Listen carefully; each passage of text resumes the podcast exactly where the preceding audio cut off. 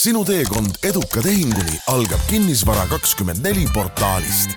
meie juurest leiad huvilise nii oma Setomaa suvilale kui Kalamaja korterile.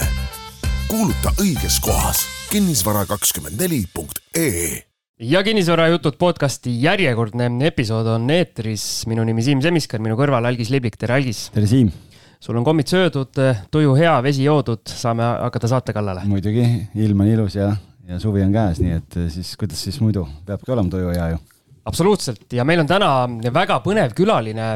rääkimas teemal, mida me tegelikult vaikselt siin algisega oleme nillinud ja tahtnud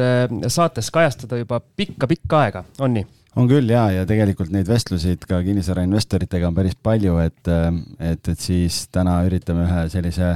huvitava, natukene laiema teema lahti arutada. ja, ja plaan on siis rääkida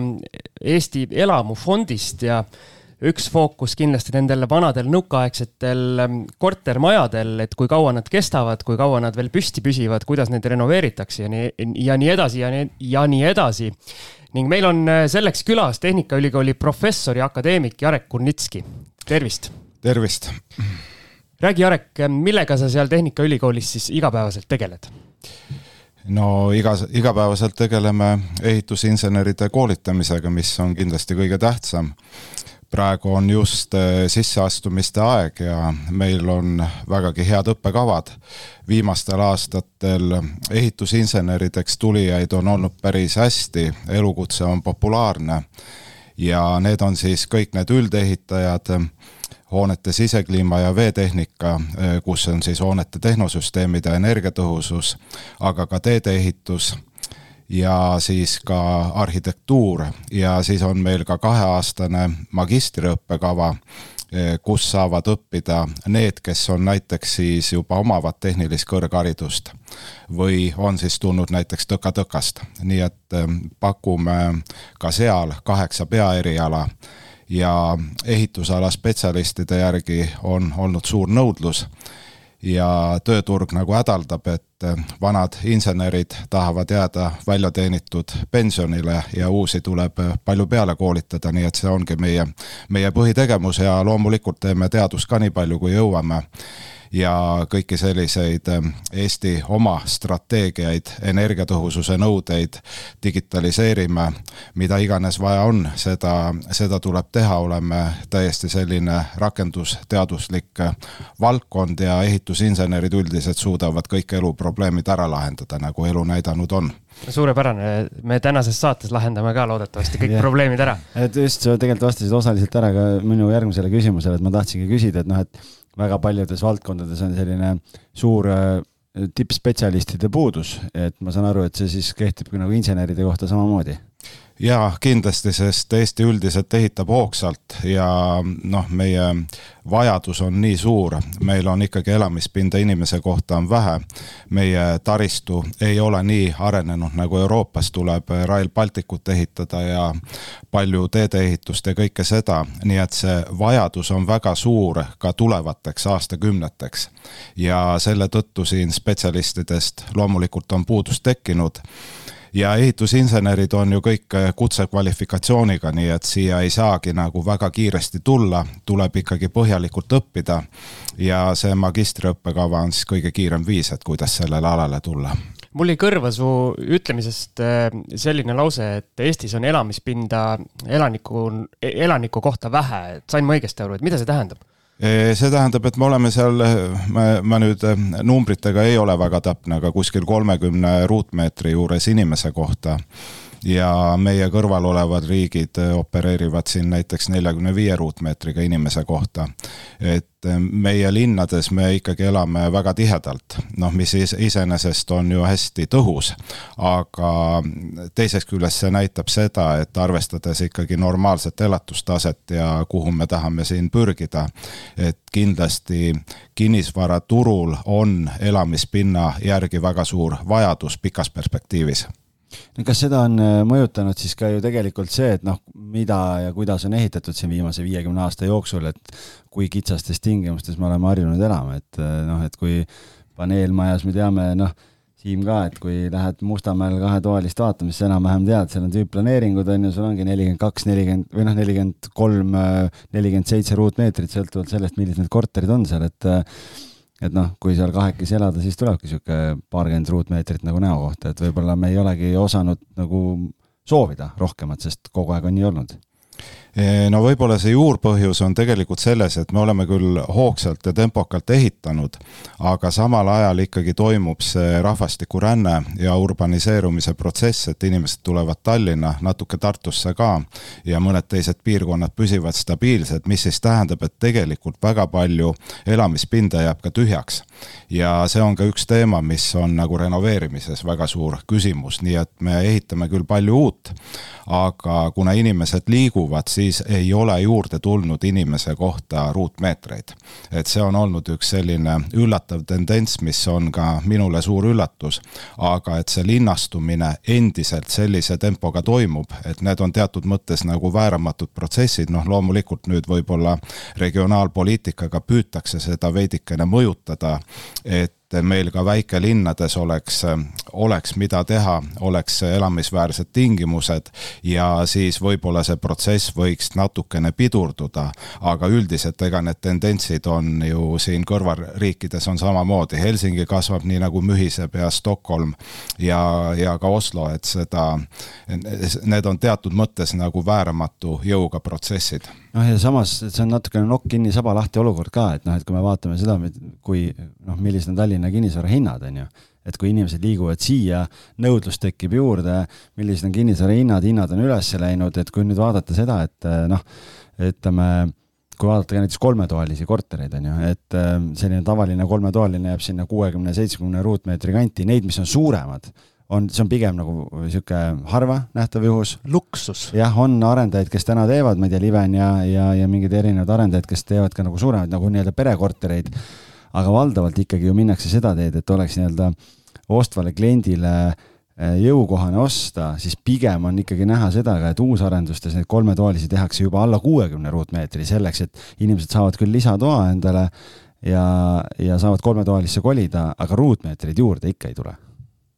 nii ta on ja eks turg peabki seda tegema, mille järgi nõudlust on. Aga lähme siis nüüd nende nõukaaegsete majade juurde, et on sul, on sul arvud teada, kui palju neid nõukogudeaegseid tüüpprojektide järgi ehitatud korterelamuid üldse Eestis on? no praegu on kuskil kakskümmend kaks tuhat on see number, kui me räägime nagu maja tükkides, kakskümmend kaks tuhat korterelamut on üle Eesti ja aastaks kaks tuhat viiskümmend on hinnatud, et nendest võiks olla järel siis kuskil seitseteist tuhat.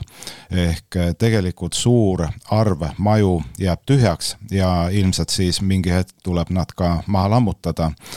ja need majad siis paiknevad äh, kuskil sellistes väikestes asulates, kus enam vajadus selliste korterelamute järgi ei ole. sest äh, kui sa ikka maal elad, siis sa pigem tahad elada väikeelamus ja, ja see olukord on, on muutunud ja see on ka teatud mõttes nagu loomulik. aga nüüd, kui, et tulles, et jõuda siit eh, renoveerimisvajaduse järgi, siis eh, on hinnatud, et neliteist tuhat korterelamut oleks vaja ära renoveerida pikas perspektiivis, mis siis tähendab, et kuskil kolm tuhat maja tänase seisuga võib öelda, et on enam-vähem terviklikult renoveeritud. Nendest pooled on tehtud siis KredExi toetusega, mis on vägagi korralikult tehtud.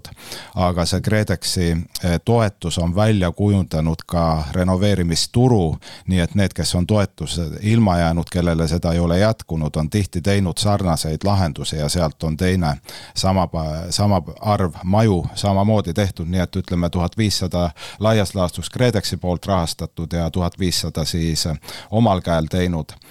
kolm tuhat kokku, nii et nii jääb meil järgi sellest kahekümne kahest tuhandest, mis on täna maju püsti, jääb järgi aastaks kaks tuhat viiskümmend neliteist tuhat, mis veel tuleks ära renoveerida. ehk siis see protsent, mis on renoveeritud, on tegelikult ikkagi väga väike, arvestades kogu seda nii-öelda majade mahtu jah, kindlasti me oleme selle pika tee alguses, aga meil on see, ütleme, tehnilised lahendused väga hästi välja kujunenud ja samamoodi on ka väga hästi välja kujunenud see KredExi toetuse jagamine, kiire menetlemine ja kõik see, ütleme, nende projektide eh, kontrollimine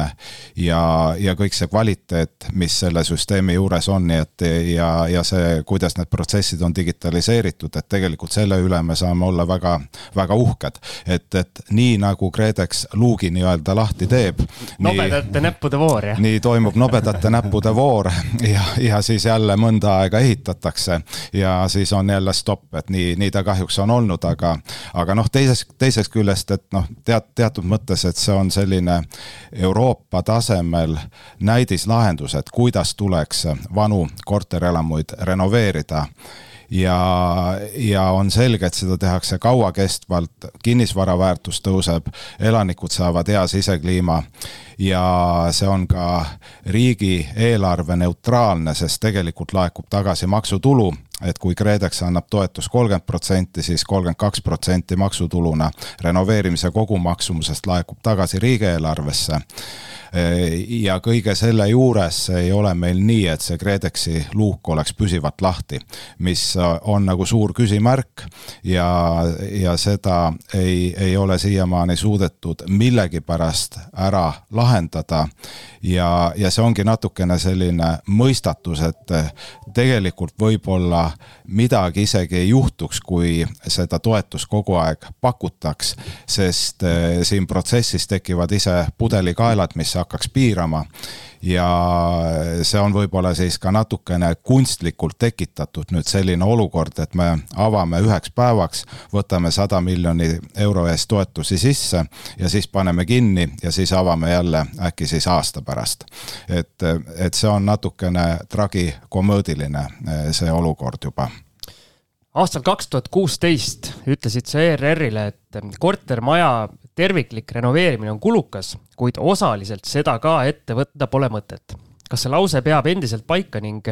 mis, mis üldse sinna tervikliku renoveerimise hulka kuulub? E, kahjuks küll, see peab endiselt paika, sest need majad on ikkagi ehitatud e, siin kuuekümnendatel, seitsmekümnendatel, kaheksakümnendatel ja see ehitustehnoloogia oli selline, et sisuliselt ei soojustatud tänapäevases mõttes, nii et küttekulud on meeletud. ja muidugi tänapäevases mõttes ka nendes majades ei ole ventilatsiooni. nii et kui keegi proovib neid parandada, et vahetame aknad välja siis pannakse uued ja õhupidavad ja sellega on loomulik ventilatsioon on kahjuks lõppenud. siis võivad hallitama minna pesuruumid, lõpuks jäävad inimesed haigeks, nii et siin on väga raske leida selliseid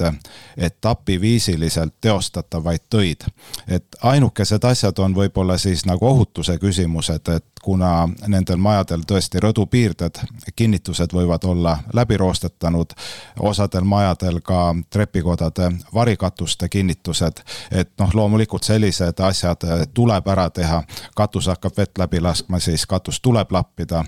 aga üldiselt, et maja korda saada, siis endiselt on, kehtib see, et tasub teha üks kord ja korralikult ja need tööd on siis päris laiaulatuslikud, mis selle jaoks on vaja aga kas nende nõukaaegsete majade nii-öelda põhimõte oligi selline, et läbi nende õhku läbi laskvate akende tuleb õhk sisse ja siis ventilatsioonist tõmmatakse see välja või? jah, tollel ajal oli tõesti nii, et energia ei maksnud ju mitte midagi. keskkonnahoiu peale keegi ei mõelnud, rohepöördes polnud keegi mitte midagi kuulnud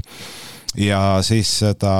kõeti nii palju üle, et inimesed hoidsid aknaid parasjagu lahti. ega ju tol ajal radiaatoritel ei olnud ka termostaate, nii et temperatuuri reguleeriti akna avamise kaudu ja siis loomulik ventilatsioon töötas päris hästi sellistes tingimustes. et niipea kui aknad ära vahetas, siis sa lõikad justkui selle, selle ringi lõikad läbi ja, ja ongi kõik, jah? Kahjuks, kahjuks küll ja kui me tahame küttekulusid kokku hoida, siis me ei saa nii-öelda välisõhku ei ole ju mõtet kütta. ja talvel see akna avamine on ka üsna ebamugav ja ma olen näinud ikkagi päris palju seda, et eriti kui lähed talvisel perioodil mingi kliendiga korterit vaatama ja ja siis ongi täpselt need äh, aknad on ära vahetatud ja siis on pesu pestud ja, ja siis lähed korterisse sisse, tunned selline niiske, niiske on korteris, et õhk ei liigu ja, ja noh, seal ei ole palju ilmselt vaja, et tekiks hallitus ja, ja mingid muud kahjustused sinna juurde, et jah, see on tavapärane näide halvast sisekliimast, mida ei tohiks meie elamutes olla aga kas ma eksin, et, et pigem ikkagi renoveeritakse neid maju nii-öelda osaliselt ja järk-järgult, et ei taha ühistud võtta seda suurt, suurt tööd korraga ette, vaid üritatakse lappida siin ja seal? Ei, ei, ma arvan küll, et, et sa eksid, kui sa niimoodi ütled, sest noh, loomulikult, et katus tuleb lappida, kui katus hakkab läbi jooksma ja selliseid kiireid hooldustöid tuleb teha, aga need on väikesed tööd, mida ühistud teevad, nad koguvad ikkagi remondifondi ja mõtlevad, et mis hetkel siis suur renoveerimine, tervikrenoveerimine ette võtta ja, ja selles suhtes see süsteem on nagu hästi välja kujunenud, et kui korteriühistu suudab selle otsuse üldkoosolekul ära teha, et otsustab, et hakkame renoveerima, siis juba sealt edasi need protseduurid on hästi paigas kui vaadata kinnisvara kuulutusi, siis hästi levinud lause on, on see, et otsaseinad on soojustatud. miks soojustatakse just neid otsaseinu, aga fassaad on näiteks tegemata, et mis, mis selle põhimõte on? Otsaseinade soojustamine oli võib-olla jah, siin kakskümmend aastat tagasi, kui me, kui meil veel KredExi toetust ei olnud, see oli enne seda ja Tehnikaülikool tõesti tookord töötas välja sellised renoveerimislahendused, et kuidas siis olukorda võimalikult väiksete vahenditega natukenegi parandada ja otsaseinad olid sellised, kus tavaliselt ei ole aknaid, neid on kõige lihtsam soojustada. Ja seal ka see efekt on nagu suhteliselt äh, suur, et, et see oli üks selline äh, tõesti juba kolmkümmend aastat tagasi välja töötatud lahendus. Ja siis, kui korteriühistud ise oma väga väheste vahenditega tegid, siis selliseid töid, töid võeti ette, et need olid ka suhteliselt soodsad tööd. aga täna me seda enam kellelegi ei soovita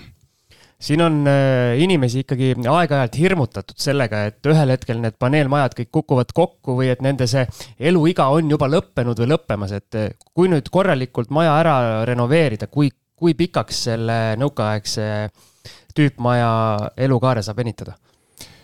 Need majad on konstruktsioonilt ikkagi väga kapitaalsed ja kui nendele majadele panna kasukas selga nii-öelda piltlikult öeldes ja kõik need kandvad konstruktsioonid jäävad peale seda toatemperatuuri juurde, siis nad on sisuliselt igavesed. et need majad seisavad püsti nii kaua, kui nende järgi püsib vajadus ja seal ütleme, probleem võib olla siis selles, et et eh, kui armatuur on kuskilt eh, läbi roostetanud paneelide eh, sidemed, aga need siis renoveerimise käigus ka need välisseinapaneelide väliskoorikud ankurdatakse sise, sisekihi külge ja see on nagu tavalahendus. nii et meil on väga lihtsad tehnilised lahendused, kuidas neid maju kasutuses hoida. ja need on, noh, me võime, võime öelda, et need on sama kapitaalsed majad, kui täna ehitatud arvestatakse pigem täna on see materjali tõhusus on parem ja nii palju betooni keegi ei tahagi panna, hoitakse kokku. Ja see selles suhtes, et kui, kui nüüd võtta kandekonstruktsioonid, et Eh, kui me sellise kapitaalse hoone maha lammutame, eh, siis sealt tuleb väga suur kogus, tuleb betooni.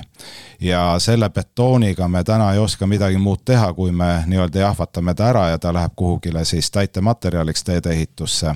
ja siis me peaks samasuguse maja asemele ehitama ja tõenäoliselt see tehtaks ka betoonelementidest, ehk me teeksime sisuliselt samasugused kandekonstruktsioonid sinna. no loomulikult ruumiplaneering on parem, kui me teeme uue uue, siis ta vastab nagu praegusele arusaamale.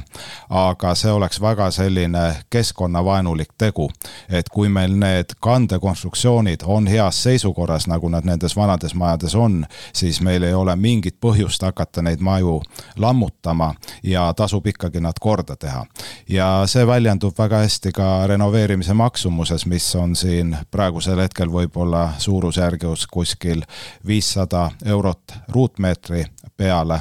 Ja kui minna nüüd uut korterit ostma, siis hinnad siin lähenevad neli tuhat eurot ruudule ja niimoodi, et, et noh, see on nagu ilmekas näide sellest, et mis oleks siis tulemus, et maha lammutada, uus ehitada ja siis peaks selle lammutamise kulu veel äkki sada eurot ruudu peale otsa panema, et et seda üldse võrrelda, on iseenesestmõistetav, et meie majandus ei kannata seda välja ja selle järgi puudub vajadus. nii et see lammutamine on aktuaalne teema ainult nendes asukohtades, kus hooned on jäänud tühjaks. kui nad langevad kasutusest välja, siis äh, mingi hetke pärast tõesti on õigem nad maha lammutada, aga sellistes kohtades nagu Tallinn ja Tartu minu teada ühtegi hoonet ei ole maha lammutatud nendest elamutest. nõudlus on nii suur? Mul oligi umbes äh, see nädal tagasi vestlus ühe investoriga, et noh, et kui tuli nüüd siin uudis, et, et Euroopa Liit nüüd ütleb, et kõik vanad majad on vaja ära renoveerida, et noh, et see on esiteks, on uudistest läbi käinud, et see on päris noh, et see ei ole ähm, jõukohane nii-öelda väga paljudele riikidele, kaasa arvatud Eestile, aga, aga just selle investoriga meil tekkis päris tuline, tuline arutelu sellel teemal, et tema ütles, et tema ei julge osta äh, kuskile Mustamäe paneelikasse omale korterit, sellepärast et noh, et need on nii vanad majad juba, et küll need lagunevad ühel hetkel ära, et et siis täna ma sinu jutust siin kuulasin ja, ja noppisin välja, et tegelikult pole nagu hullu midagi, et ei peaks nagu muretsema selle pärast. ja et see küsimus, et see ei ole jõukohane neid terviklikult renoveerida, nende välja töötatud lahendustega, mis meil on ja arvestades, et neliteist tuhat hoonet äh, tuleks ära teha, see on kuskil nelisada maja, no ütleme üle neljasaja hoone aastas tuleks ära renoveerida ja meil on siin parematel aastatel on ligikaudu kolmsada maja aastas on juba tehtud, et Äh, loomulikult me peame seda mahtu tõstma, aga see on täiesti võimalik äh, läbi orgaanilise kasvu. Äh, praegu on nähtud probleemiks, et töövõtjaid on tegelikult, on vähe, kes tegelevad korterelamute renoveerimisega ja neid on vähe just selle tõttu, et see turg on olnud hüplik, et üks aasta on tööd, teine aasta ei ole aga, aga kindlasti see on nagu jõukohane tegevus. Ja ma ütleks ka seda, et see on vältimatult vajalik tegevus, sest pigem võib öelda seda, et nende kõrgete küttekulude ja energiaarvete tasumine pikas perspektiivis ei ole meile jõukohane. lihtsam on need majad korda teha ja siis me ei pea pakkuma selliseid toetusi, laustoetusi, nagu viimastel aegadel on pakutud ja seal on olnud kõige suurem probleem on selles, et, et riik ei ole suutnud neid pakkuda nendele, kes neid toetusi vajavad, vaid antakse siis kõigile ja siis on kulud meeletud ja siis on selge, et see ei ole ole, ei ole jõukohane. nii et see korterelamute renoveerimine, kuna need on tüüpsed majad, me täpselt teame, mismoodi nad tuleb korda teha ja meil on selleks kõik eh, nii-öelda hästi sisse juurutatud eh, süsteemid eh, KredExi toetusest alates, kõik, kõik see protseduur töötab väga hästi. et Eh, see on kindlasti jõukohane ja vägagi mõistlik tegevus. ainukene küsimus on siis, et missugune on põhjendatud tempo, et missuguse tempoga me peaksime renoveerima ja see on siis loomulikult see üle, mille üle tasub vaielda kui palju sa oled kursis, et kuidas ehm, endises eh, Nõukogude Liidus eh, üldse nende majadega seisukord on, et Eesti ju sellest seltskonnast majanduslikus mõttes kõige eesrindlikum riik praegu, et nii-öelda, kuidas mujal on? Ja no meie oleme seda renoveerimist niimoodi teinud, et eh, KredEx pakub toetust ja sellega sisuliselt aidatakse neid korteriühistuid, kes siis tahavad ennast ise aidata. et noh, siin on väga tugevad sellised eh, turumajanduslikud sugemed ja selline turumajanduslik loogika selles meie tegevuses. on küll väga ranged nõuded, et mismoodi peab renoveerima eh, selleks, et vältida ehitusvigasid ja vältida seda olukorda, et kui on renoveerimine tehtud, siis pärast pannakse tähele, et, et eh, läks nii, nagu ei oleks pidanud minema, ventilatsiooni ei ole. Eh, selleks need ranged nõuded on välja mõeldud ja need meie tingimustes töötavad. aga siin vaadates, kuidas Lätis ja Leedus tehakse, seal kohati on see initsiatiiv on rohkem riigi käes, valitakse välja korteriühistud, öeldakse, et teil on võimalus renoveerida ja siis ütleme, nende siis KredEx töötab ise rohkem nagu projektijuhina. meil ikkagi korteriühistu on see projektijuht, noh, on küll nõutud, et korteriühistul peab olema tehniline konsultant, kes on siis spetsialist seal kõrval nõustamas, aga meil, meil see ikkagi igaüks nagu teeb ise oma asja ära, et riik ei korralda sellist lausalist renoveerimist, et valides välja siis hooneid või piirkondasid, kus seda tehakse ja suunates sinna vahendeid, et me oleme püüdnud seda ikkagi teha sellistel rohkem nagu turumajanduslikel alustel ja siiamaani see on meil väga hästi töötanud. Ma olen siin kuulnud või uudistes on läbi käinud, et eh, nii-öelda testitakse ka selliseid variante, kus tehases tehakse mingid elemendid välja, tuuakse kohale, pannakse majale külge, mis siis peaks seda renoveerimise aega vist eh, lühemaks tooma ja kogu seda protsessi kiirendama, odavamaks tegema ja lihtsustama, et kui kaugel need lahendused on, et päris nagu, päris jõuliselt seda saaks rakendada? ja need on eh, kindlasti sellised lahendused, millega saab tööviljakust saab parandada, et kui me mõtleme, et meil kunagi tekib töö töökätest puudus ehitusturul, noh täna meil jääb ehitusturul tegelikult töökäsi üle, mahud äh, on, on languses ja see ei ole probleem, aga pikemas perspektiivis on ikkagi see, et et, et kes, kus on see tööjõud, kes siis suudab selle suure mahu ära renoveerida. ja loomulikult siis on otstarbekam seda tööd viia tehasesse nii palju kui võimalik ja teha tehases valmis vähemalt välisseinade paneelid kus on siis ka juba aknad paigaldatud ja on ette nähtud kohad, kuhu on lihtne ventilatsioonitorustikku paigaldada ja siis tuua need objektile ja objektil toimub monteerimine ja viimistlemine. Ja seda objektil tehtavat tööd sellega saab oluliselt vähendada. no me oleme sellega nii kaugel, et see, need lahendused ei ole tegelikult uued, neid on siin vähemalt kakskümmend aastat on katsetatud ja uuritud eh, nii Kesk-Euroopas kui meil ja täna meil on äh,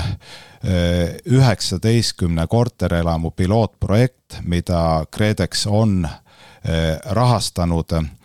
lausa viiekümneprotsendilise toetusega, et korteriühistud tuleksid ja teeksid ja need majad hakkavad üldiselt valmima. et nendest majadest sünnib väga väärtuslik kogemus, eriti just töövõtjatele sest äh, majatehase seisukohalt ei ole suurt vahet, et nemad ikkagi toodavad selliseid elemente, nagu neid tellitakse ja majatehased ei taha ise hakata töövõtjateks või arendajateks, nende loomulik äh,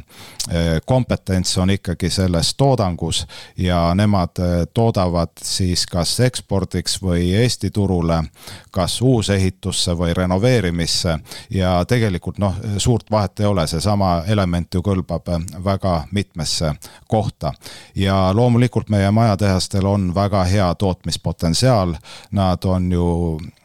Euroopa eksportöörid eh, number üks. Eh, väga palju moodulelemente läinud siin Rootsi turule, Soome turule, Norra turule ja nüüd ka kaugematele turgudele. ja mahud on lausa seal viiesaja miljoni euro juures aastas. palju siis seda puitmajade mooduleid toodetakse või seinaelemente ja sellist tootmise võimekust kindlasti oleks ju hea Eestis rakendada, et ka meie meie korterelamud saaks kiiremini korda, sellepärast seda on katsetatud. Ja kui nüüd töövõtjad õpivad ära eh, sellise elementehituse Eh, mis siis oluliselt erineb eh, sellega, kui teha platsi peal. seal iga töövõtja tuleb, mõõdab ära ja teeb siis kohapeal need tööd. loomulikult ka need platsi töömeetodid arenevad samamoodi ja see tehnoloogia konkurents on normaalne. aga praegu on jah püütud seda aidata, et see tehaseline renoveerimine saaks turgu, suudaks turule tulla ja ilmselt siin on jällegi see põhiprobleem on ikkagi selles, et majatehas ei saa teha uut liini, ei saa investeerida, kui tal ei ole kindlust seda, et seda töömahtu on ja keegi neid elemente siis telliks. et eh, ühesõnaga, kui meil on üks päev, on luuk lahti KredExis ja siis on aasta aega kinni, siis need majatehased sellele turule lihtsalt ei tule. aga võiks arvata, et see probleem laheneb, et kui see rahastamine saadakse stabiilseks ja siis kui need mahud tõuseksid, siis oleks juba põhjust nendel majatehastel tõsisemalt investeerida ja oma tooteid turundada ja võiksid olla ka hinna poolest konkurentsivõimelised, et, et täna me oleme kahjuks jah, veel pilootprojektide tasemel, oleme katsetanud, oleme tõestanud, et tehnoloogia töötab, aga sellist rakendamise faasi veel kahjuks jõudnud ei ole mulle tundub iga su vastust kuulates, et eh, kõige suurem pudelikael on meil nii-öelda poliitiline pudelikael, et keegi peaks andma selle, selle kinnituse, et jah, et nüüd, eh, nüüd lähme jõuliselt peale, antakse see raha peale, et hakkame renoveerima, et kõik muud, kõik muu on nagu olemas, et justkui nagu kõik eh, need elemendid on madalstardis, starti ootamas, on vaja seda nii-öelda püstolikäsklust. kui see püstolikäsklus tuleks, siis pudelikaelad tekiksid, sest tegelikult esimene pudelikael, mis tekib, on projekt projekteerijad. Neid projekteerijaid, kes teevad äh, korterelamute projekte ja, ja noh, tegelikult on ju nii, et KredExi toetust ei saa enne küsima minna, kui projekt on valmis, ehitusluba on käes, äh, ka panga kinnitus, et pangast saab laenu. et Ähm, et seal on nagu kõige suurem pudelikael, mis tekiks, kui me tahaks mahtusid tõsta, on äh, kutsepädevusega projekteerijate puudus, kes korterelamuid projekteerivad. nii et, äh, et kui see stardipauk tuleks, siis, äh, siis meil pigem tekiks mingi selline stabiilne maht, mida me tänase projekteerijate ressursiga suudame ära teha ja võib-olla töövõtjate poole peal on paindlikkust natukene rohkem, aga neid projekteerijate numbreid me teame ja me, me näeme, kui vähe neid tegelikult on. et siin see turu väiksus on tõesti nagu suur probleem, aga kui see stabiilne maht tekiks, siis see looks eeldused arenguks, et neid projekteerijaid võiks juurde tulla. Äh, loomulikult see võtab aega natukene, aga kindlasti neid siis tuleks juurde ja siis need mahud võiksid nagu äh, tõusma hakata. nii et praegu me ei ole jah suutnud luua selliseid turutingimusi, et see renoveerimine hoogsamalt võiks edasi minna me oleme praegu hästi palju rääkinud nendest nii-öelda nõukogudeaegsetest majadest, aga selle juures me ei tohi ära unustada ka seda, et meil on ikkagi nii Tallinnas kui nii-öelda väiksemates kuurortlinnades on väga palju ka neid äh, saja aasta vanuseid puitmaju, et äh, ja nende seisukord on ka selline, et et äh, järjest linnapilt läheb nagu ilusamaks, aga, aga ometi on ka seal väga palju, väga palju renoveerimata maju, et kui palju sellise puumaja normaalne eluiga on, et, et kui palju te seda poolt analüüsinud olete? Ja no kõigepealt ma ütleks ära, et miks me räägime nii palju nendest korterelamutest, on ikkagi see, et eh, ligikaudu seitsekümmend protsenti Eesti elanikest elab korterelamutes. Eh, loomulikult eh, suur osa nendest, mis on uuemad ja heas seisukorras olevad majad, aga ikkagi ligikaudu viiskümmend protsenti Eesti elanikest elab nendes vanades paneelelamutes. et see on pooled Eesti elanikest ja selle tõttu see on meeletult suur segment. aga tulles nüüd nende, nende, nende teiste majade, väikeelamud ja sellised no, nagu ütleme, Tallinna maja. ei ja..., ma ütlen kaheksakümne korteri, kaheksa korteriga, mis need on sellised, noh, ütleme Kalamaja, Põhja-Tallinn, uue, uue maailma piirkond, kõik, et, et seal on sellist, seda saja aasta vanust äh, linnaosade kaupa, kus on sellised ilusad puitmajad, et. Äh, jah, ka puit konstruktsiooni materjalina on väga püsiv ja puidule ei meeldi niiskus, aga kui puit on kuivades tingimustes, siis ta on samamoodi sisuliselt igavene ja seda me ka näeme vanalinnas, kus neid mitmesaja aasta vanuseid puitkonstruktsioone võib vaadata. sellega tõesti ei juhtu mitte midagi, nii et seal on sama küsimus, et need majad püsivad püsti nii kaua, kui neid hooldatakse. loomulikult fassaadid aeg-ajalt vajavad väljavahetamist, võib-olla selline puitfassaadi iga on seal kakskümmend, kolmkümmend aastat ja siis tuleb laudis välja vahetada nüüd noh, kolmkümmend aastat võiks saavutada, kui on vähe paksemat lauda kasutatud ja on ka hooldatud. nii et eh, need hooned on samamoodi tegelikult püsivad väga hästi ja sellist, sellist kartust, et nüüd hooned kokku kukuvad, et seda, seda kindlasti ei ole, aga loomulikult kõike tuleb hooldada nüüd teeme väikese pausi, anname võimaluse lumioravale ja siis tuleme tagasi ja räägime energiatõhususest hei üüriinvestor, otsid järgmist põnevat projekti? vaata kindlasti Kinnisvara kakskümmend neli portaalist, kust leiad värsked pakkumised nelikümmend kaheksa tundi varem kui mujalt. Enne kui me sinna energiatõhususe juurde läheme, et noh, mina kui sihuke põline Assamala mees on ju, et mul ikka maapiirkonnad ka äh, lähevad korda ja, ja tegelikult meil üks äh, kuulaja saatis juba päris, päris ammu ühe kirja ja me ei ole me ei ole seda teemat nagu üldse käsitlenud ja temal oli ka seesama selline mure, et, et maapiirkondades kipub olema väga palju selliseid, noh, nagu sa ise ütlesid, toimub linnastumine, inimesed elam-, need korterelamud jäävad tühjaks, lagunevad ära, pluss on siis vanad nii-öelda nõukaaegsed igasugused, ma ei tea, kuivatid ja kolhoosijooned kõik. kolhoosijooned, laudad, kõik asjad, mis lagunevad. ja tema ütles, noh, et kui ma ei tea, kuskilt Lääne-Euroopast tulevad külalised kuskilt või Kesk-Euroopast, et siis piinlik on nagu mingitesse kohtadesse minna, sellepärast et vaatad, et noh, et, et üks lagunev maja teise järel. ja siis tal olid mõned küsimused, et ma, ma põrgatan need küsimused, et äkki, äkki sa saad nendele ka siis vastuse anda, et et kuidas, kuidas see täna üldse toimub, et kui tahaks mõnda maja, maja lammutada, et, et kas see käib kuidagi omavalitsuse kaasabil, on selle jaoks ka mingid toetused olemas näiteks, kui inimene tahab ise olla väga proaktiivne ja teha?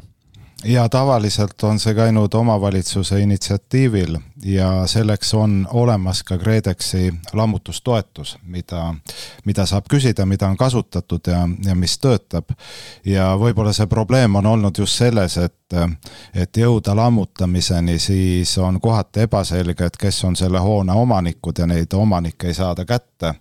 ja selleks on ka protseduure välja kujundatud, et kuidas siis omavalitsusel oleks ikkagi võimalik mõistliku aja jooksul, kui, kui neid enam inimesi nii-öelda kätte ei saada, see vana maja kedagi ei huvita, et oleks võimalik see tondiloss maha lammutada, et sellega on tegeletud ja need ähm, asjad peaksid meil suhteliselt hästi nagu töötama. nii et äh, meil on terve rida ka selliseid omavalitsusi, kes seda juba on süstemaatiliselt äh, rakendatud ja tihti tuuakse äh, Võrut ja Valgat selliseid Lõuna-Eesti omavalitsusi näidetena, kuidas seal on püütud tondilosse maha lammutada ja samas siis elu tuua rohkem linna südamesse ja on ka siis soositud seda, et äh, inimestele antakse nii-öelda asenduspinnad siis äh, kesklinnast ja neid maju on püütud korrastada. aga loomulikult nende omavalitsuste vahendid on piiratud ja ja siin need asjad liiga kiiresti ei toimu, aga noh, võib-olla siin see suund on ikkagi väga õige, et, et niimoodi tegutseda ja see on välja kujunenud. ja kindlasti võtab kaua aega, enne kui siis Eestimaa kõik ilusaks saab, et need suured kontrastid kahjuks meid, meid ilmestavad endiselt. kui nüüd on omanik teada ja omavalitsus teeb ettekirjutuse, et kuule, korista oma lobutik ära, et millist abi siis omanik saaks sellisel juhul? See, selleks saab taotleda lammutustoetuse. minu teada on ikkagi omavalitsused neid projekte juhtinud ja omanik ju tähendab seda, et igal korteril on omanik. majal kui sellisel on omanik siis korteriühistu ja nemad pigem sellises faasis ei ole aktiivsed, nemad on sealt lahkunud, elavad kuskil mujal ja kogu see protsess tuleb sisuliselt ära korraldada oma valitsusel sest äh, kui see maja on tühjaks jäänud ja sa oled ise juba kuhugile mujale ära kolinud, ega sa ei hakka seal mingeid tegevusi teostama, et see on, see on arusaadav. ja see ongi loomulik, et äh, kohalik omavalitsus selle projekti ära korraldab, taotleb selle jaoks siis tegevust ja osaliselt peab ise investeerima, et see asi ära teha kui nüüd on äh, mingi, mingi kuulaja, kes meil kuulab, on ju, tema teeb selle lammutustoetusega, teeb selle lammutamise ära siis sa enne rääkisid sellest, et noh, et reeglina läheb nagu täitematerjaliks, läheb kogu, purustatakse ära näiteks betoon on ju, ja siis see läheb, kui nüüd see omanik lammutab selle maja ära, kuhu või kuhu ta saaks siis nii-öelda realiseerida ära selle või, või saab ta, et mis, mis su soovitused on, et, et kuhu see, see lammutusjäägid kõik siis ära realiseerida? no sisuliselt ta ju läheb nii, nagu töövõtjad seda tööd teostavad ja loomulikult liigiti kogumine objektil, eh, seda tehakse. Eh, kui palju siis sorteeritakse ja kuidas ära kasutatakse, see juba sõltub ju kõik sellest, et mis on tasuv ja mis ei ole tasuv. ja tänase seisuga kahjuks prügimäele ladestamine on suhteliselt madalate tasudega ja selle tõttu seda taaskasutust ja ümbertöötlemist ja sellist nagu ringmajanduslikku mõtlemist on veel vähevõitu. aga oleme ka kuulnud, et neid äh, ladestamistasusid, need, äh, neid, äh, need on kindlasti tõusmas ja see on ka ainuvõimalik lahendus, et me jõuaks rohkem sellise jätkusuutliku majandamise juurde ja üldiselt ehitusobjektidel see liigiti kogumine ikkagi täna juba on reaalsus nii et eh, noh, kõige hullem see olukord ei ole, aga kindlasti ei ole seda, et me eh, suudaks neid eh, lammutusjääke kasutada toorainetena uute ehitustoodete valmistamisel, et pigem nad lähevad ikkagi siis, on sellised madalama väärtusega kasutuskohad, kuhu nad lähevad, et nagu siis teedeehituse täitematerjaliks. aga pigem ei lähe selleks, et et, vanast betoonist toota uut betooni. et sinna on veel üksjagu eh, teed minna. Eh, on mõeldud ka selle peale, et eh, teatud detailid võiks tervelt hoones kätte saada ja näiteks vahelaepaneele kuskil teises hoones kasutada, aga ka seda väga laialdaselt ei tehta ja näiteks kui me vanast hoonest eemaldame isegi veel töökorras olevad aknad, siis nad tänapäevastel nõuetele ei vasta, neid eriti kuskil ei olegi võimalik kasutada. võib-olla mõnes kütmata hoones võiks olla võimalik kasutada, aga sellist eh, suurt nagu kirbuturgu, kus seda eh, nii-öelda lammutus eh,, lammutatud tooteid ja materjale pakutakse, et sellist väga head turgu veel Eestis välja kujunenud ei ole, et see on kindlasti siis tuleviku muusika muusika, et see võiks välja kujuneda ja sellele annaks tõesti stiimuli see, kui prügiväele saatmine oleks kallim. et siis sellele toorainele tekiks väärtus ja siis oleks seda mõtet ka rohkem taaskasutada. ja see, see kindlasti on üks selline väga oluline tulevikusuund, sest eh, need materjalide kogused on ikkagi väga suured, mis tekivad hoonete lammutamisel ja ehitus üleüldse on väga ressursimahukas valdkond valdkond, et sellega kindlasti tuleb tegeleda me oleme täna rääkinud siin nõukaaegsetest majadest pikalt ja, ja korra puudutasime ka neid päris vanu sajaastaseid ja, ja sinnakanti. aga räägime korra sellest eh, nii-öelda tänapäevasest eh, elamufondist, et viimased kolmkümmend aastat, eh, nüüd natuke rohkem pärast taasiseseisvumist. milline see ehituskvaliteet on olnud, et siin kinnisvaraturul ringi liikudes palju kuuleb jutte, et selle eelmise buumi ajal, kaks tuhat viis, kuus, et siis kohati tehti ikka nii-öelda täielikku jama no kas nüüd täielikku jama, aga loomulikult buumid mõjuvad kvaliteedile üldiselt halvasti, tehakse kiirustades. ja aga siiski ma, ma oleks meie kvaliteedi üle pigem väga uhke, sest eh, need majad on silmale ilusad vaadata, nad on energiatõhusad, nendes on üldiselt on hea sisekliima ja nendes äh, näiteks ka sellised äh, ülekuumenemise probleemid on mingil tasemel ikkagi lahendatud. et äh, selline kaasaegne ehitus on meile toonud selle, et tihti korteritel on suured aknad ja no peabki olema, et oleks ilus vaade. aga siis, kui projekteerimises ei ole kuidagi arvesse võetud, siis vahepeal tekkis selline olukord, et need korterid hakkasid hirmsalt üle kuumenema. ja suvel nii-öelda päike küttis välja, ei olegi võimalik elada mõnes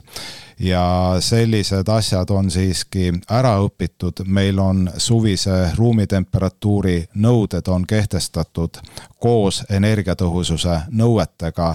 nii et äh, kui täna ehitatakse korterelamu, siis projekteerimise käigus on läbi simuleeritud, kui kõrgele seal temperatuur tõuseb ja kas seal on võimalik siis suvel elada või mitte. ja, ja selle, selle tõttu see, see valdkond on kõvasti edasi läinud ja üldiselt selliseid äh, suuri ehituskvaliteedi probleeme ma ei, ma ei oskagi välja tuua. Äh, loomulikult on igat asja saab alati parandada ja need arengud pidevalt äh, toimuvad, aga julgeks küll öelda, et täna me tegelikult ehitame väga kvaliteetseid hooneid ja kui minna siin Tallinna korterisse või Helsingi korterisse, ega tegelikult äh, suurt vahet ei ole. ja vahe on pigem niimoodi, et selle Tallinna korteri energiaarved on väiksemad, ehk nad on parema energiatõhususega meil ehitatud kui, kui näiteks teisel pool lahte no aga räägime sellest energiatõhususe sõnast, et seleta palun nii-öelda tavalisele inimesele, meie, meie tavalisele kuulajale, ma ei tea, Siim Vaidast või Mati Mustamäelt, kes meil need tavalised kliendid siin on. seleta palun ära, mida see tähendab? Energiatõhususe all me mõtleme seda, et, et igas elamus või majas kasutatakse mingi kogus elektrit Eh, elektrit eh, läheb hoone tehnosüsteemidesse, aga samas ka teleka vaatamiseks või arvuti kasutamiseks kodumasinatesse. ja väga tihti majadesse läheb ka kaugküte või mõni maja võib olla ka gaasiküttel. Eh, nii et meil on erinevad energiakandjad ja, ja noh, tavainimene saabki nii aru, et tal on energiaarved, et palju on elektriarve, palju on siis kaugküttearve ja me püüame energiatõhususega mõõta just seda summaarset energiakasutust, mis siis hoone tavapärasel kasutamisel on vajalik. ehk kui me räägime, et meil on energiamärgise A-klass või mis tahes klass, siis energiamärgise number sisaldab ka seda energiakasutust, mis on teleka vaatamiseks või, või siis pesumasina käitamiseks eh, vastavalt sellisele tüüpilisele hoone kasutusele. ehk korterelamu puhul tüüpiline kasutus eh, tähendabki seda, et et kõik energiakasutused on arvesse võetud ja see energiamärgises olev number energiatõhususe arv, et, et kui see siis äh, märgises vaadata, kuidas ta jaguneb, et kui palju seal on siis elektrit, kui palju on kaugkütet, siis tegelikult seda arvutuslikke numbreid võib pärast võrrelda tarbimisandmetega ja siis selle võrdluse pealt võib siis tuvastada, kas äh, on tarbitud tegelikult rohkem või vähem ja sellise nii-öelda eh, Tallinna keskmise või Harju keskmise korterelamu peale need numbrid enam-vähem võiksid eh, klappida, sest see arvutusmetoodika arvestab hoonete eh, tüüpilise kasutusega kui mu sinna kortermajja tuleb elama mitu seitsmeliikmelist peret, kellel kaks pesumasinat iga päev huugab kakskümmend neli seitse, siis see energiamärgis kohe kolinal kukub või?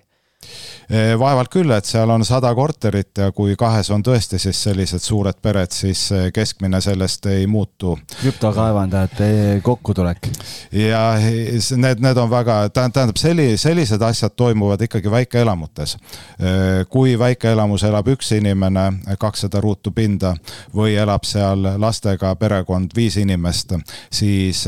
energiakulu on väga erinev. aga korterelamu puhul on nii, et seal tavaliselt tasandub ära seal elab nii palju inimesi, et on, on nii neid väiksemaid leibkondi kui suuremaid leibkondasid ja keskmine on enam-vähem selline, mis püsib. nii et äh, korterelamu energiatõhususe mõõtmine on võib-olla kõige lihtsam, kui me üldse hoone kategooriatest räägime.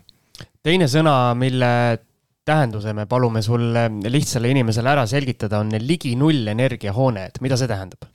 Ligi nullenergia hoone tähendab ähm, lihtsalt A-klassi hoonet, et tal on energiamärgise A-klass. Ja ligi nullenergia on tänasel päeval energiatõhususe miinimumnõue. Ja see siis eeldab, et hoone on ehitatud mõist, tehniliselt mõistlike energiatõhusate ja taastuvenergia lahendustega, mis mis ütleb seda, et ta te, tegelikult need nõuded ja need numbrid, mis siis selle A-klassi taga on kilovatt-tundides, need on välja arvutatud nii, et selle hoone kogukulud peaksid olema optimaalsed kolmekümne aastases perspektiivis. et meil see tänane metoodika, mida me kasutame, see lähtub sellest, et et me eluhoonetes rakendame kolmkümmend aastat ja kui ministeerium neid nõudeid kehtestab, siis selleks tehakse kõigepealt sellised niinimetatud kulu optimaalse energiatõhususe arvutused, kus siis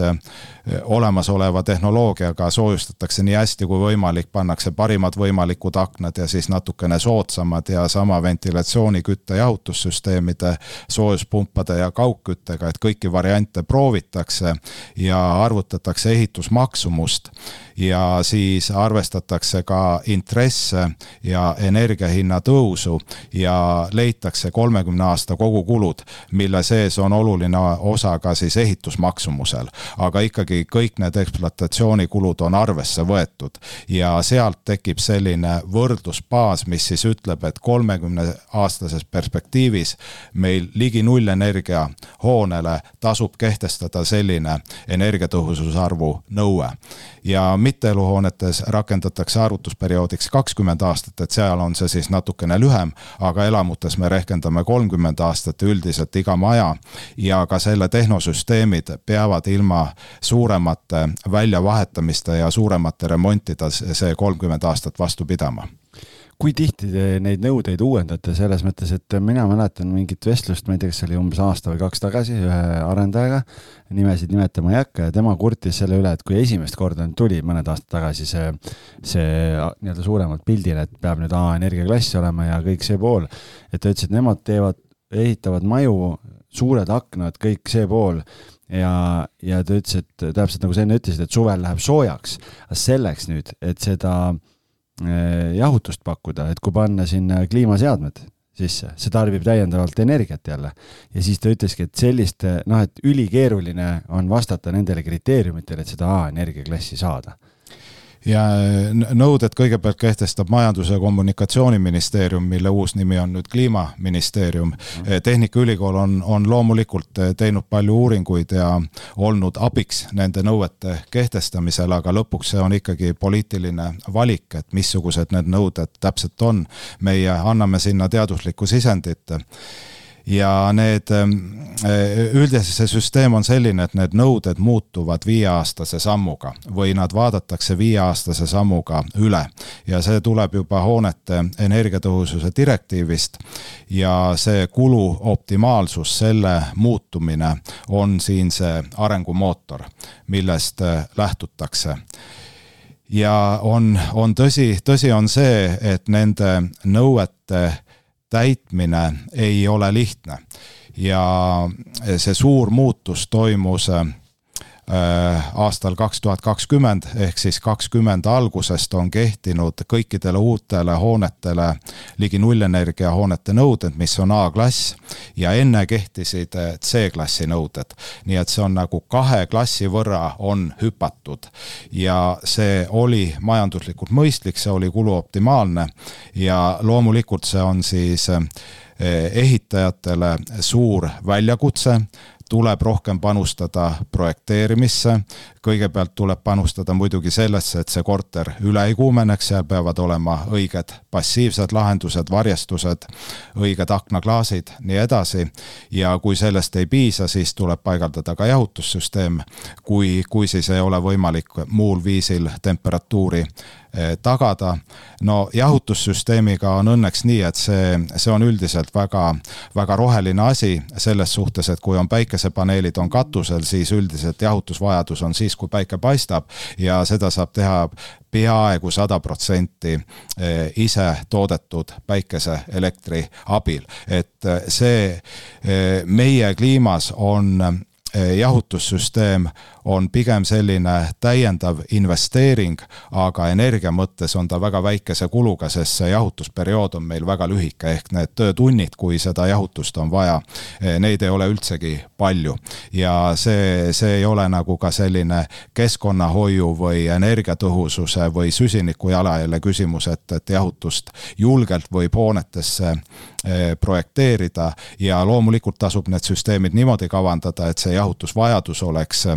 võimalikult väike, nii et kõigepealt ikkagi need arhitektuursed ja passiivsed meetmed on number üks ja aktiivsed meetmed, mis on siis jahutussüsteem, see on siis number kaks, kui esimestest ei, ei, ei tule üksinda välja.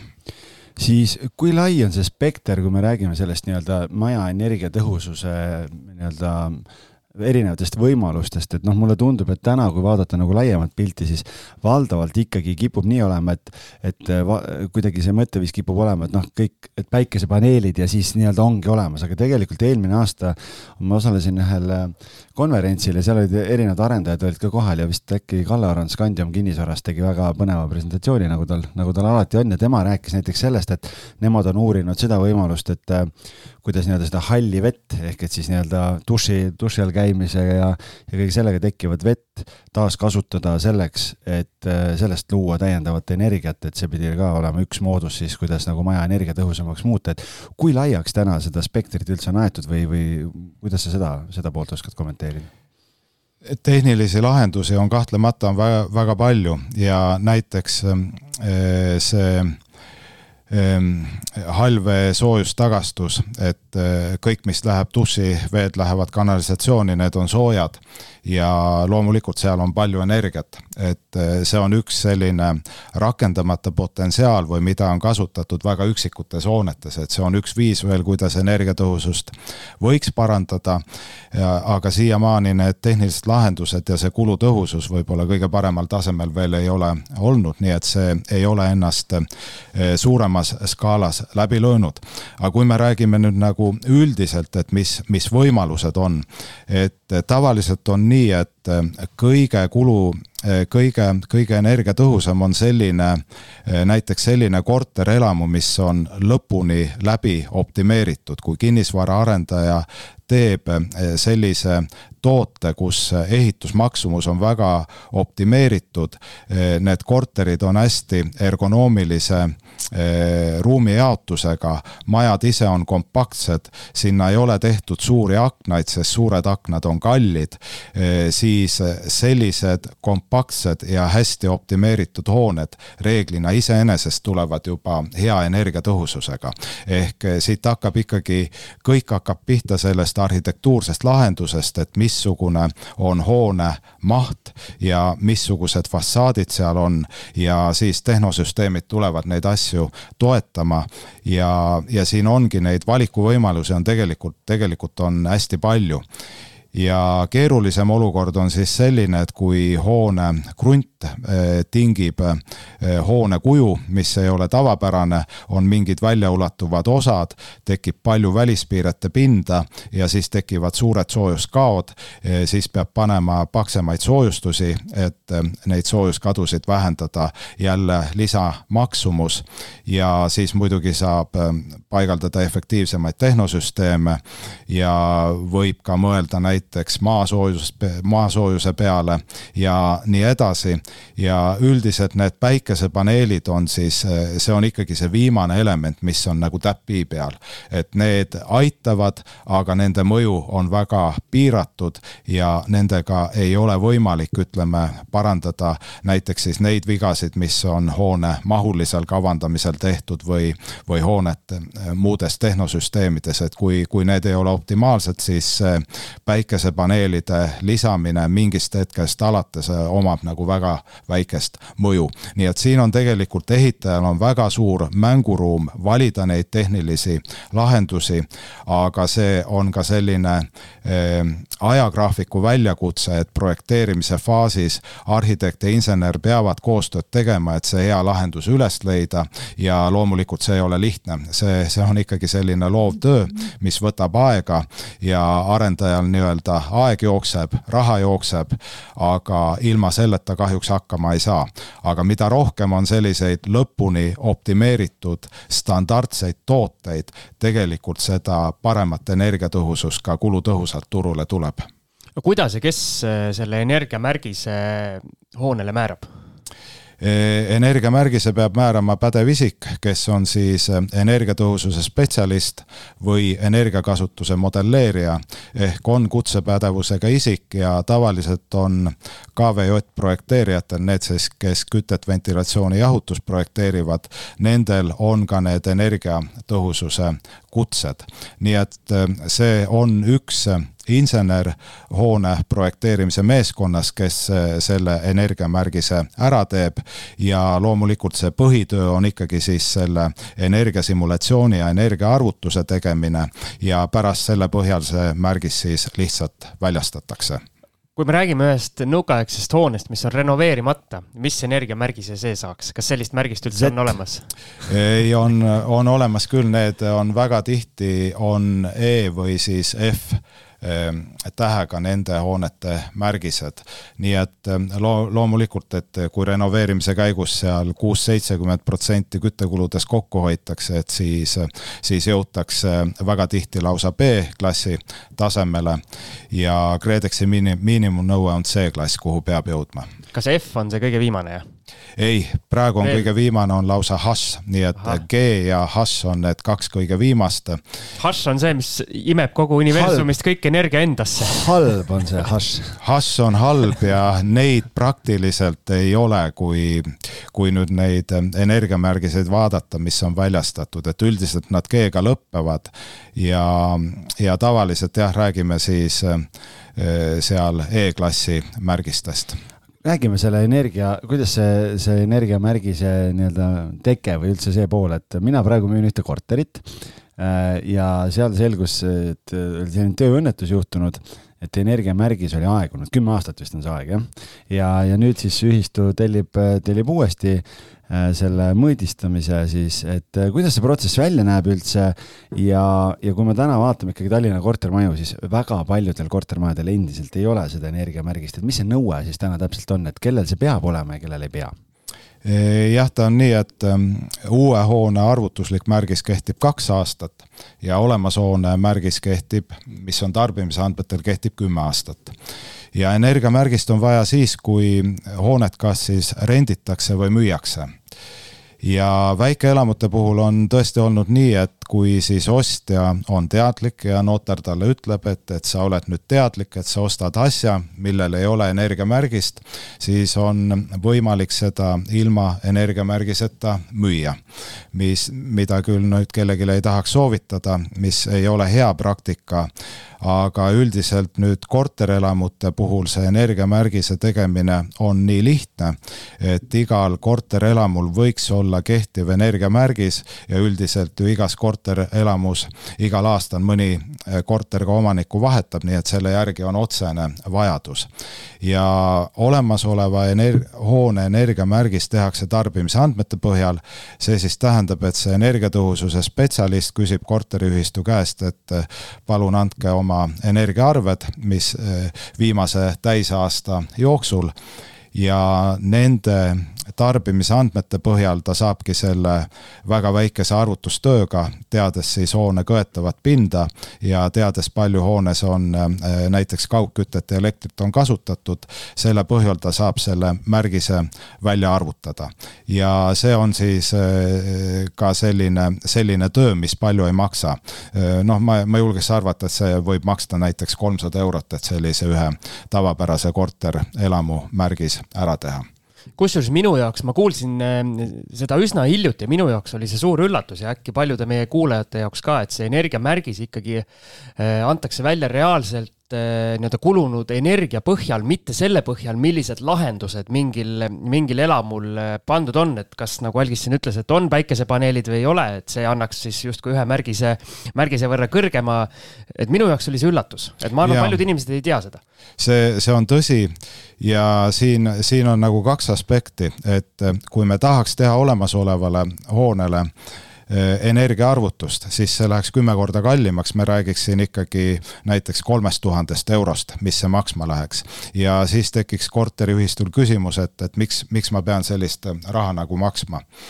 kui mul on energiaarved siin käes olemas, ma tean, palju me energiat kasutame. ja energiatõhususe eesmärk on ikkagi see, et need hooned reaalselt kasutaks energiat tõhusalt, kasutaks seda vähem. et meil ei oleks sellist raiskavat energiakasutust. nii et kogu see energiatõhususe arvutusmetoodika on nii üles ehitatud, et sellega me püüame ennustada seda energiakasutust, mis reaalsuses tekib. ja, ja selle tõttu olemasolevates hoonetes saab seda mõõta ja tulebki mõõta anna palun mõni praktiline nipp, kui inimene elab sellises nõukaaegses hoones, mis on renoveerimata, et kuidas ta omas, nii-öelda omas korteris väikeste vahenditega saab oma energiakulusid maha tõmmata, on mingeid variante, mida teha? ma kardan, et need inimesed on kõik need nipid ära teinud siin viimase talve jooksul. loomulikult, et hoida siis temperatuuri sellisel tasemel, et see liiga kõrge ei ole ja, ja aknaid mitte pidevalt lahti hoida, vaid siis tuulutada aeg-ajalt. et, et kahjuks ei ole selliseid häid nippe ja korteriühistu on kindlasti seadistanud küttegraafiku selliselt, et radiaatoritesse liiga kuuma vett sisse ei tule ja seda hoonet ei oleks ohtu, et seda hoonet üle köetakse. ma arvan, et Eh, korteriühistud ja elanikud on kõik need nipid kasutusele võtnud, kaasa arvatud siis see, et villane kampsun ja sokid jalga ja madalam toatemperatuur. et eh, siin, siin ei ole, kahjuks ei ole selliseid häid nippe suutnud keegi välja mõelda, et kuidas siis seda, seda eh, sellise soojustamata maja küttekulu vähendada. ühistu koosolekul jagatakse villaseid kampsuneid välja näiteks, aga ilmselt parim nipp on siis nii-öelda ühistus asjad või ohjad enda kätte võtta ja sinna KredExi, KredExi toetuse peale üritada ennast taotleda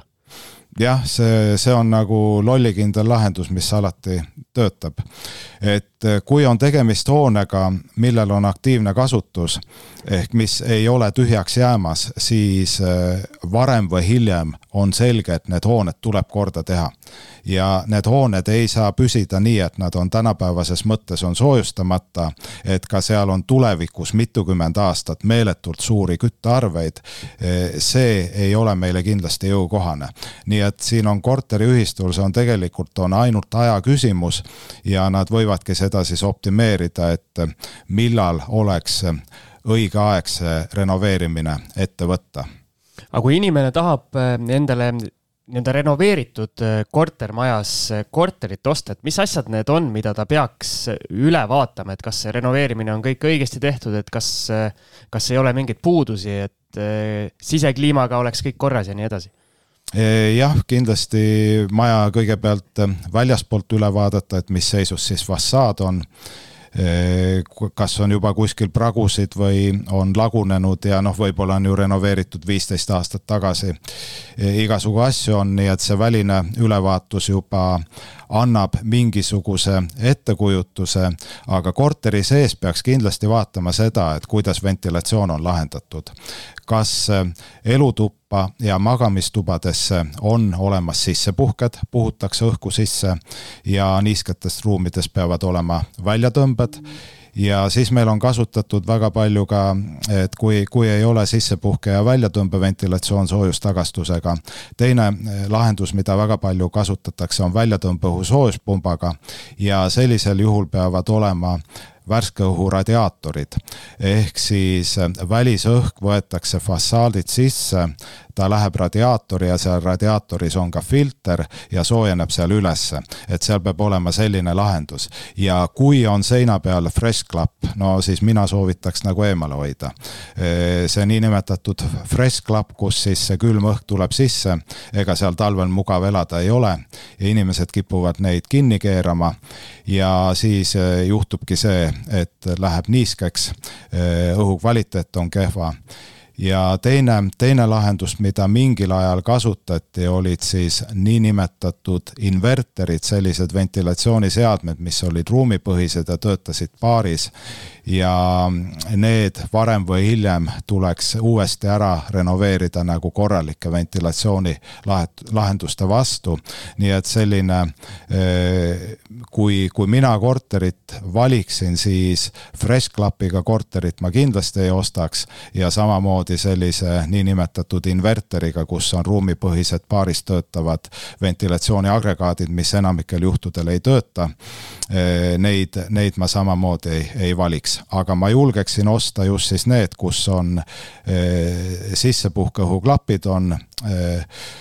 on elutubadesse ja magamistubadesse või on siis need värske õhu radiaatorid paigaldatud. ehk siis inimesed, kelle, kes on ostnud endale korteri aasta, mis on ehitatud aastatel kaks tuhat kuni kaks tuhat kümme, nemad oma korterit müüa ei saa, sellepärast et seal ainult Fresh Club lahendus oligi tollel ajal soojustagastusega sundventilatsioonist ei teatud veel midagi ja ma kardan, et see paistab nende korterite müügihinnas ka välja sest tõesti, need on suhteliselt heas korras olevad majad, aga nendes ei ole nii mugav elada kui siis soojustagastusega ventilatsiooniga majades ja sellised majad, nagu sa ütlesid, need on ka hästi õhupidavad. ja nendes juhtub imeasju, inimesed keeravad need fressklapid kinni, sest puhub peale ja need majad on nii õhu, õhupidavad, et sinna tekib meeletu alarõhk sisse ja kas siis tõmbab kanalisatsioonist õhku peale ja seal on tõesti igasuguseid ime, imeprobleeme selle tõttu esinenud. ja ega väga head lahendust ei olegi, et noh, mingi kui need majad ükskord jõuavad sellisesse seisu, et tuleb remontima hakata, siis kindlasti see soojustagastusega ventilatsiooni paigaldamine on seal ainuõige lahendus. kas see fresh klapp on nii-öelda nagu tavaline auk seinas ja nii-öelda õhk tuleb peale, jah? täpselt, tavaline auk seinas ja seal on ka väike filter, et eh, suurem tolm sealt läbi ei tule, aga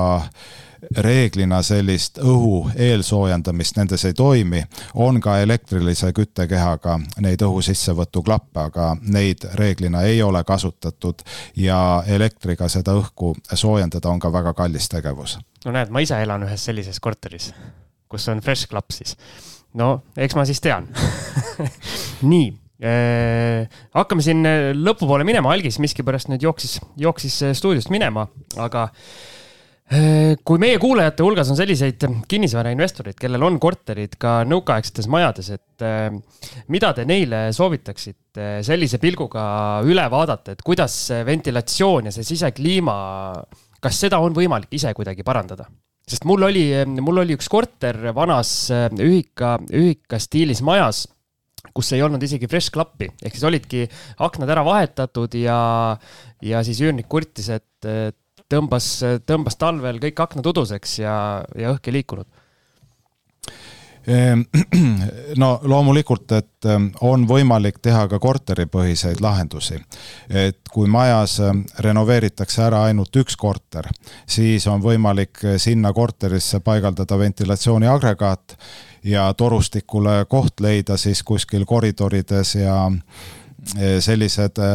sellised lahendused on võimalikud aga eh, kindlasti see ei ole nagu ratsionaalne lahendus, kui see terve hoone läheb renoveerimisse, siis, siis on hoopis teised lahendused. aga kui on vaja teha üksikud korterid, siis, siis loomulikult on seda võimalik teha. Eh, noh, tavaliselt see soojustamine ei ole väga lihtsalt võimalik. seestpoolsel soojustamisel on omad eh, suured riskid ja siis on pigem on õigem ikkagi oodata seda, kui see maja ükskord väljaspoolt soojustatakse või kui on siis sellise Eh, ütleme, kas väga miljööväärtuslik või lausa muinsuskaitse all, et, et siis loomulikult tuleb kaaluda ka neid seestpoolse soojustamise lahendused, kui fassaadi näiteks puutuda ei saa. super, Algis, kas sul on veel midagi küsida või jäi meil, Jarek, äkki midagi rääkimata, mida sa tahtsid rääkida? Eh, no kindlasti ütleks veel seda, et korterit ühistutel tasub olla järjepidev, et, et see KredExi toetus üks päev jälle ta avaneb, et olge siis oma nobedate näppudega valmis ja, ja siis, siis jälle Eestis palju maju korralikult renoveeritakse, et seda me kõik ootame see on huvitav jah, riiklikul tasandil, et on nagu tehtud niimoodi, et ma tean, mul äi äh, iga aasta samamoodi äh, kellaajaliselt sätib ennast kuidagi mingi kala, kalalubasid, äh, kalapüügilubasid ka jaotatakse niimoodi, et sa, kui sa õigel ajal jaole ei saa, siis oled ilma, et ma ei tea, miks selliseid, elame sellises nagu puudu, puudust süvendavas ühiskonnas et äh, ei, ülipõnev, väga põnev saade oli, et, äh, et ma sain väga palju targemaks, nii et, et, et, et suur-suur tänu. ma sain teada, et ma elan, elan äh, halvas sul on fresh klapid jaa, mul on fresh klapid. sa elad riskirühmas nii-öelda. riskirühm, ma olen riskirühm. aga selge, ma hakkan sellega nüüd tegelema. aitäh sulle, Jarek, selle info eest ja ma usun, et meie kuulajad said ka päris palju targemaks. aitäh tulemast ja edu sulle siis seal Tehnikaülikoolis kõige selle teaduse tegemisega ja, ja oma nii-öelda praktikates ka. aitäh ja kuulajatele ka mõnusat äh, suve jätku. just, olge tublid, tšau. sinu teekond eduka tehinguni algab Kinnisvara kakskümmend neli portaalist. meie juurest leiad huvilise nii oma Setomaa suvilale kui Kalamaja korterile. kuuluta õiges kohas kinnisvara kakskümmend neli punkt ee